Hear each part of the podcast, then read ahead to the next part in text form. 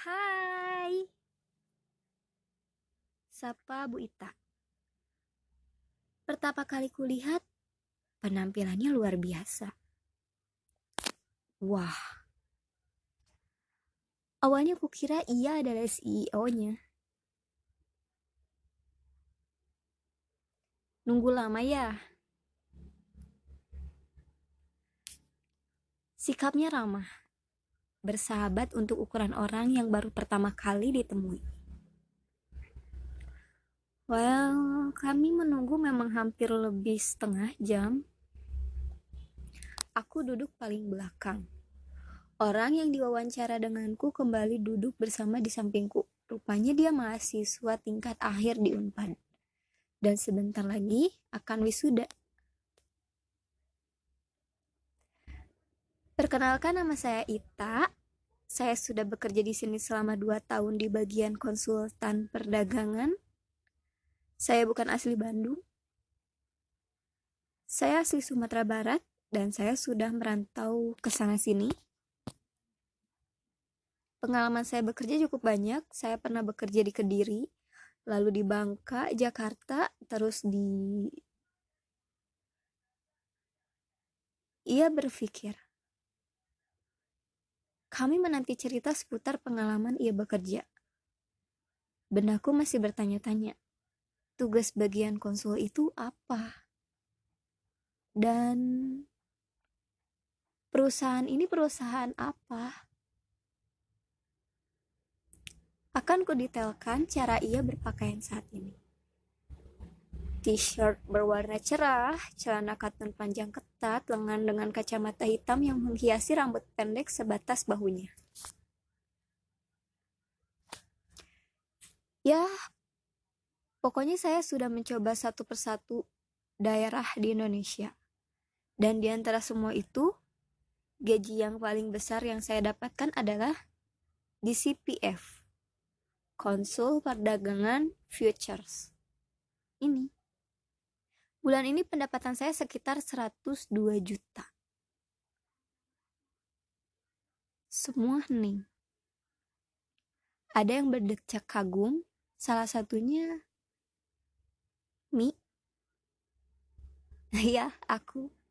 Tapi dengan suara kecil. Bagaimana bisa mendapat penghasilan sebanyak itu? Ada yang tahu tugas konsul itu seperti apa? Dijawab serempak. Enggak. Konsultan itu bukan marketing ya. Jadi kalau ada klien yang bergabung untuk berdagang di sini, bidang konsul yang membimbingnya. Jadi kita yang akan memperhatikan kondisi perdagangan. Nanti kita yang laporkan semisal saat ini harganya lagi turun bagus buat kita beli atau harganya lagi naik bagusnya kita jual nah tugas konsul itu kayak gitu. Aku masih masih bingung. Lalu tentang perusahaannya apa? Ku perhatikan ekspresi wajah mereka satu persatu. Dan semua hampir sama aja. Sama bingungnya seperti aku. Aku bahkan masih tidak bisa menerobos memperkirakan bagaimana sistem kerjanya. Blank aja. Bukan aku aja, mungkin yang lain pun sama ngeblanknya sepertiku. Bagaimana cara Bu Ita mendapat penghasilan sebesar itu? Kalian tahu kenapa Resno Barik memilih Syahrani dan menikahinya? Resno Barik itu kan pria pengusaha sukses. Sedangkan Sahrani itu wanita karir. Lihat dong tas yang selalu diteng-tengnya. Berapa harganya?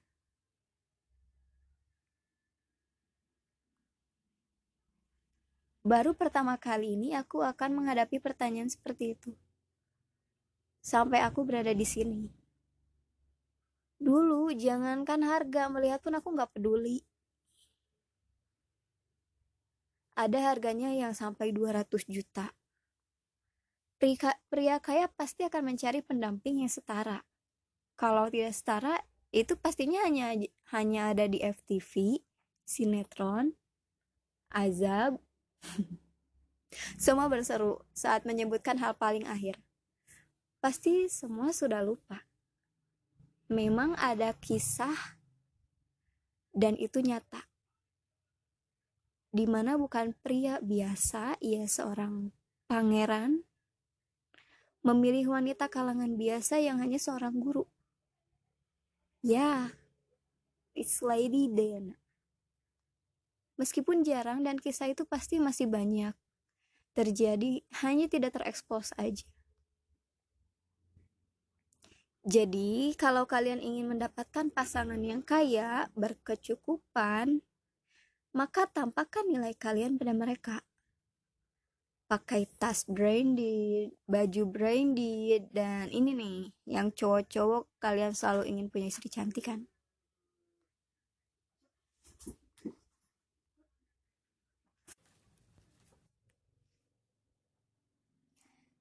Kalian itu perlu modal.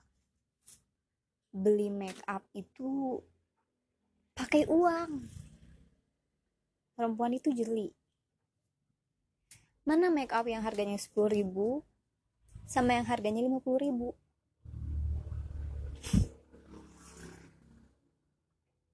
Aku tidak bisa berhias. Yang kuhafal hanya krim dan bedak. Tapi pernyataan itu memang lucu. Kebanyakan seperti itu. Menuntut istri untuk berdandan di rumah tapi tidak mau beri modal make up. Hari ini aku pulang jam 4 sore. Bapak sampai ngotruk. Kenapa telat pisan pulangnya, Dek? Ya mulai seterusnya. Masuk jam 8, pulang jam 4. Tahu gitu Bapak pulang dulu, ucapnya dengan sedikit kesal.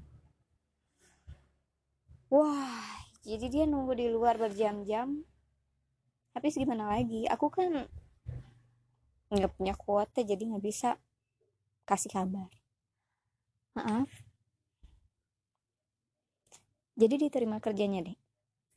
Tanya bapak. Saat itu aku sedang memakaikan helm. Lalu di jok belakang. Lalu duduk di jok belakang. Bukan hanya kantornya saja yang nampi Ade, tapi Ade pun nampi untuk bekerja di sana. Motor mulai melaju. Ya, tapi masih training dulu. Esoknya yang mengisi waktu training adalah Kak Hamdan.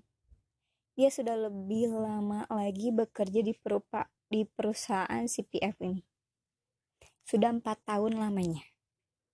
Itu artinya saat aku bekerja di bidang kenotaan, dia mulai bekerja di sini.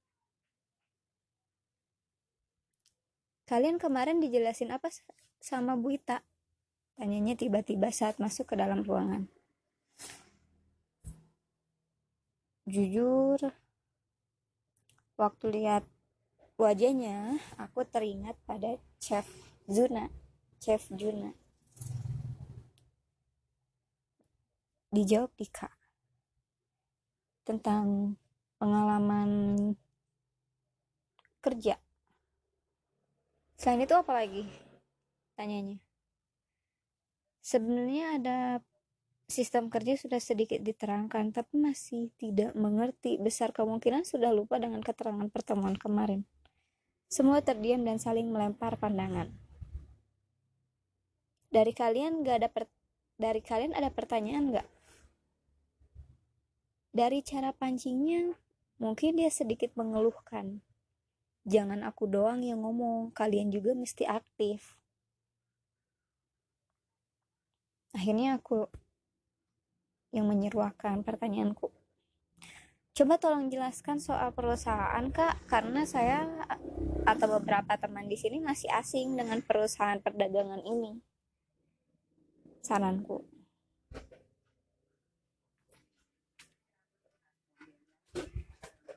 Oke, jadi perusahaan ini pusatnya di Jakarta.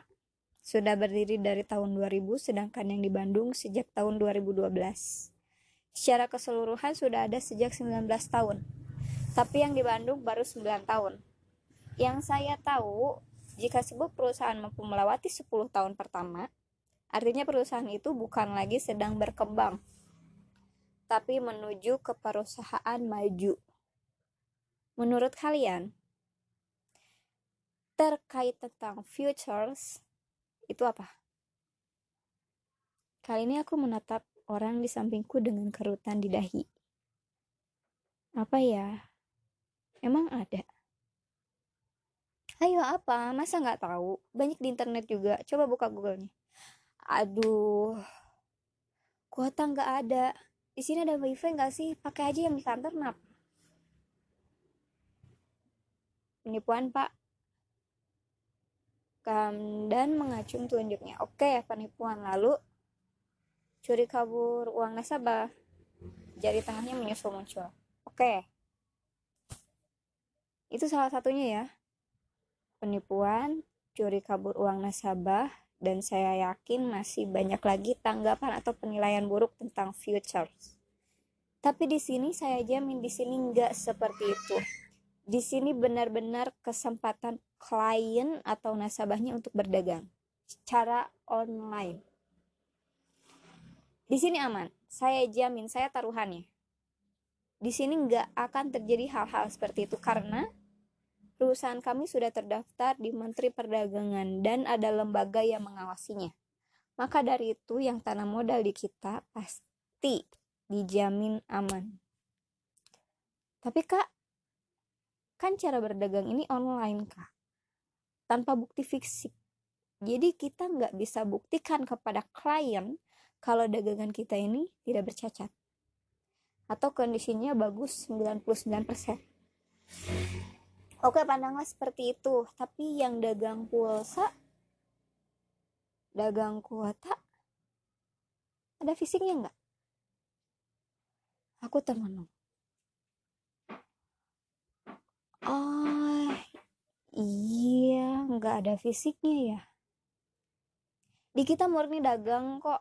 Kalau kakak mau lihat fisiknya, datang aja ke tokonya. Di sana sudah ada fisiknya nah, secara legal. MUI sudah meloloskan perusahaan kita. Oh iya. Jadi bukan riba. Kenapa bisa MUI meloloskan perusahaan ini? Karena cara main kita bukan judi, ia menerangkan secara santai, ringan, dan sabar menanggapi pertanyaan demi pertanyaan sampai anak training benar-benar mengerti. Saat nasabah masuk dan memiliki akun, di sana dia bisa lihat ke history. Di sana jelas kapan kita melakukan transaksinya, kapan kita mengeluarkan modal, modal tanamnya, dan profit yang didapatkan pun terlihat di sana. Jadi semua terlapor dengan sangat jelas. Aku mengangguk pelan. Sekarang aku mulai bisa bernafas lega. Kaham dan melanjutkan pengalaman hidupnya. Waktu itu saya sengaja main ke mall PVJ, masuk ke dalam toko jam tangan yang harga jualnya gak sembarangan. Ada yang harganya jutaan puluhan juta sampai juta. Itu pas saya masuk, penjaga toko langsung tanya ke saya. Mas, mau budget berapa? Terus saya jawab 20 juta lebih.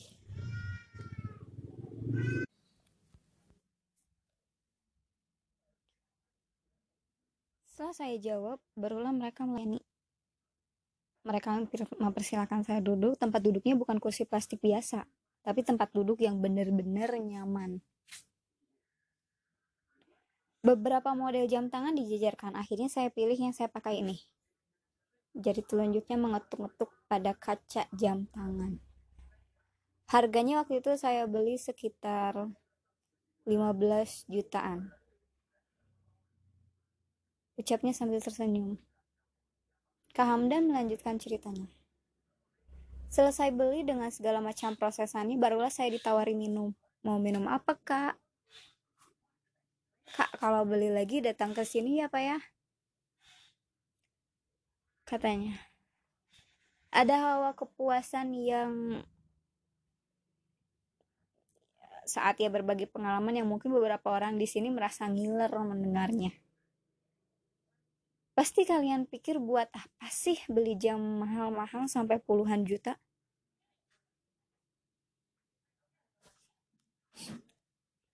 siapa pun yang mau tahu waktu bisa lihat di handphone kalau jam tangan itu rawan ya sedikit nabasa aja bisa rusak. Tapi inilah yang namanya tanda kesuksesan. Ditunjukkan pada orang banyak kalau saya mampu mencapai juga dan membeli yang diinginkan. Well aku pernah mempelajari mengenai perlunya untuk diakui oleh masyarakat. Luas Apakah itu tentang bakat?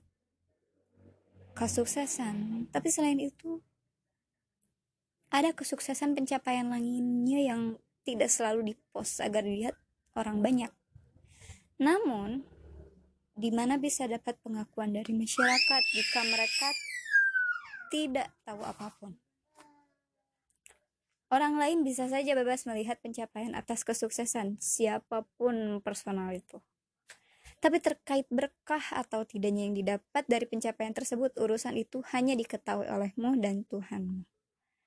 Dan yang dapat menjawab hanya hati nuranimu saja.